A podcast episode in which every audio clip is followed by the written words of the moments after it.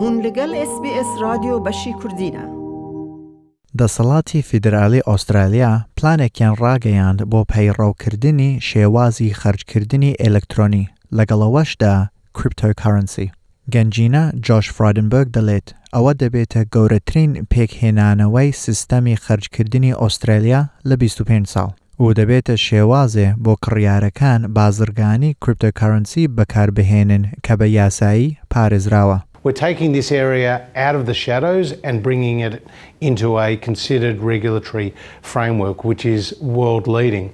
We're obviously focusing on innovation too and competition and transparency around fees to get better outcomes for consumers. And we want those businesses that are buying and selling cryptocurrencies to be properly licensed. فیۆنە گاثری سەرپەرشتیاری گشتی ڕاوێژکاری دارایی ئوسترالیایە واتە Financial Counseling Australia. ئەو پشتگیری ئەو بیرۆکەیە دەکات.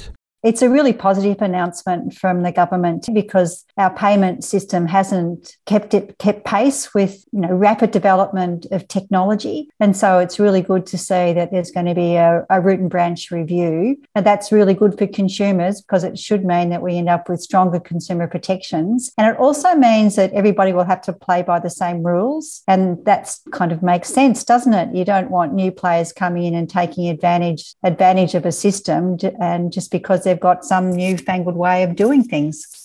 پێکهێنانەوەکانی ساڵی داهاتوو ڕاوێژکاری توانای بانقێکی ناوەندی بۆ نرخی پارەی ئێلکترۆنی دەکات و لەگەڵەوەش بڕوانامەی شیرازەی گواستنەوە و بازرگانی کریپتۆکارنسی.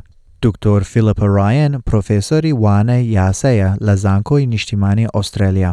ئەو دەڵێت دەسەڵات ڕاستە کە دەڵێن کراوایی کەم هەیە. I, I think you're hitting the nail on the head. That that is the issue because failure to see what's going on is the problem, particularly with cryptocurrencies. I'm not convinced that the problem is a lack of regulation. I think the current suite of regulations we have in this country is really robust, does actually address the issues that we're seeing with failed exchanges, for example, or Ponzi schemes. I think the problem is compliance and enforcement.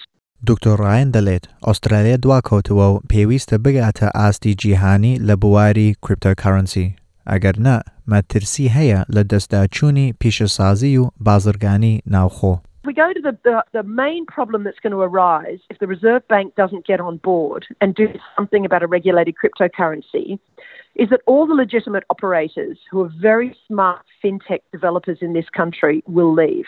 They will just go to a country where there is a fiat backed or fiat pegged crypto where they can operate whatever it is that they want to do that can be best managed in a crypto token, crypto asset, crypto utility, or a cryptocurrency. They'll just go elsewhere.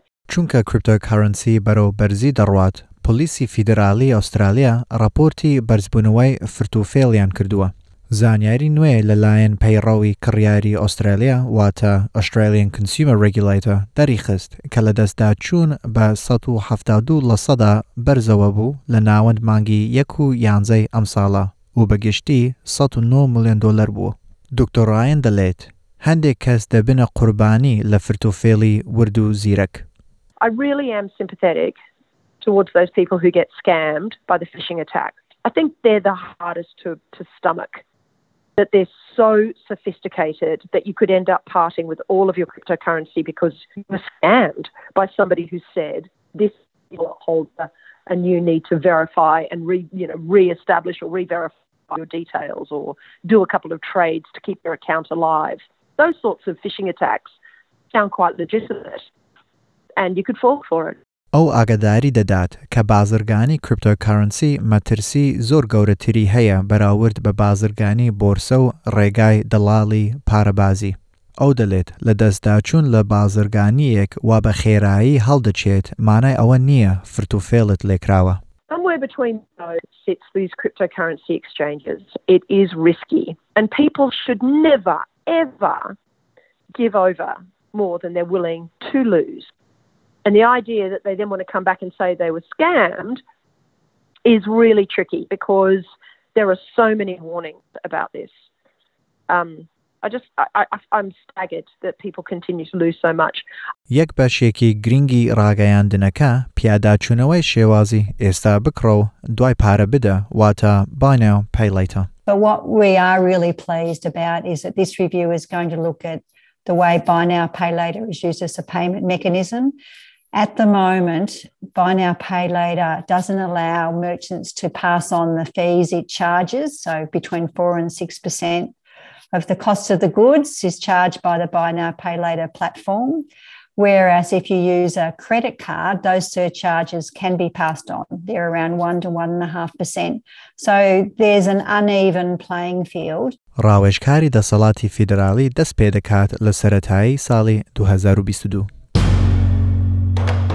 گوێتان لە راپۆرتێکی SسPS بوو سەبارەت بە پلانێک بۆ سیستەمی پارە خەرجکردنی ئەلکترۆنی واتە کریپتۆکارنسی. ئەم راپۆرتە لەلایەن سۆفیە پێترۆڤچ و بیوەکوانەوە ئامادە کرابوو. لایک بکە پارەوە بکە تێبنییا خە بنفسینە SسBS کوردی لەسەر فیسبووکە بشۆبینە.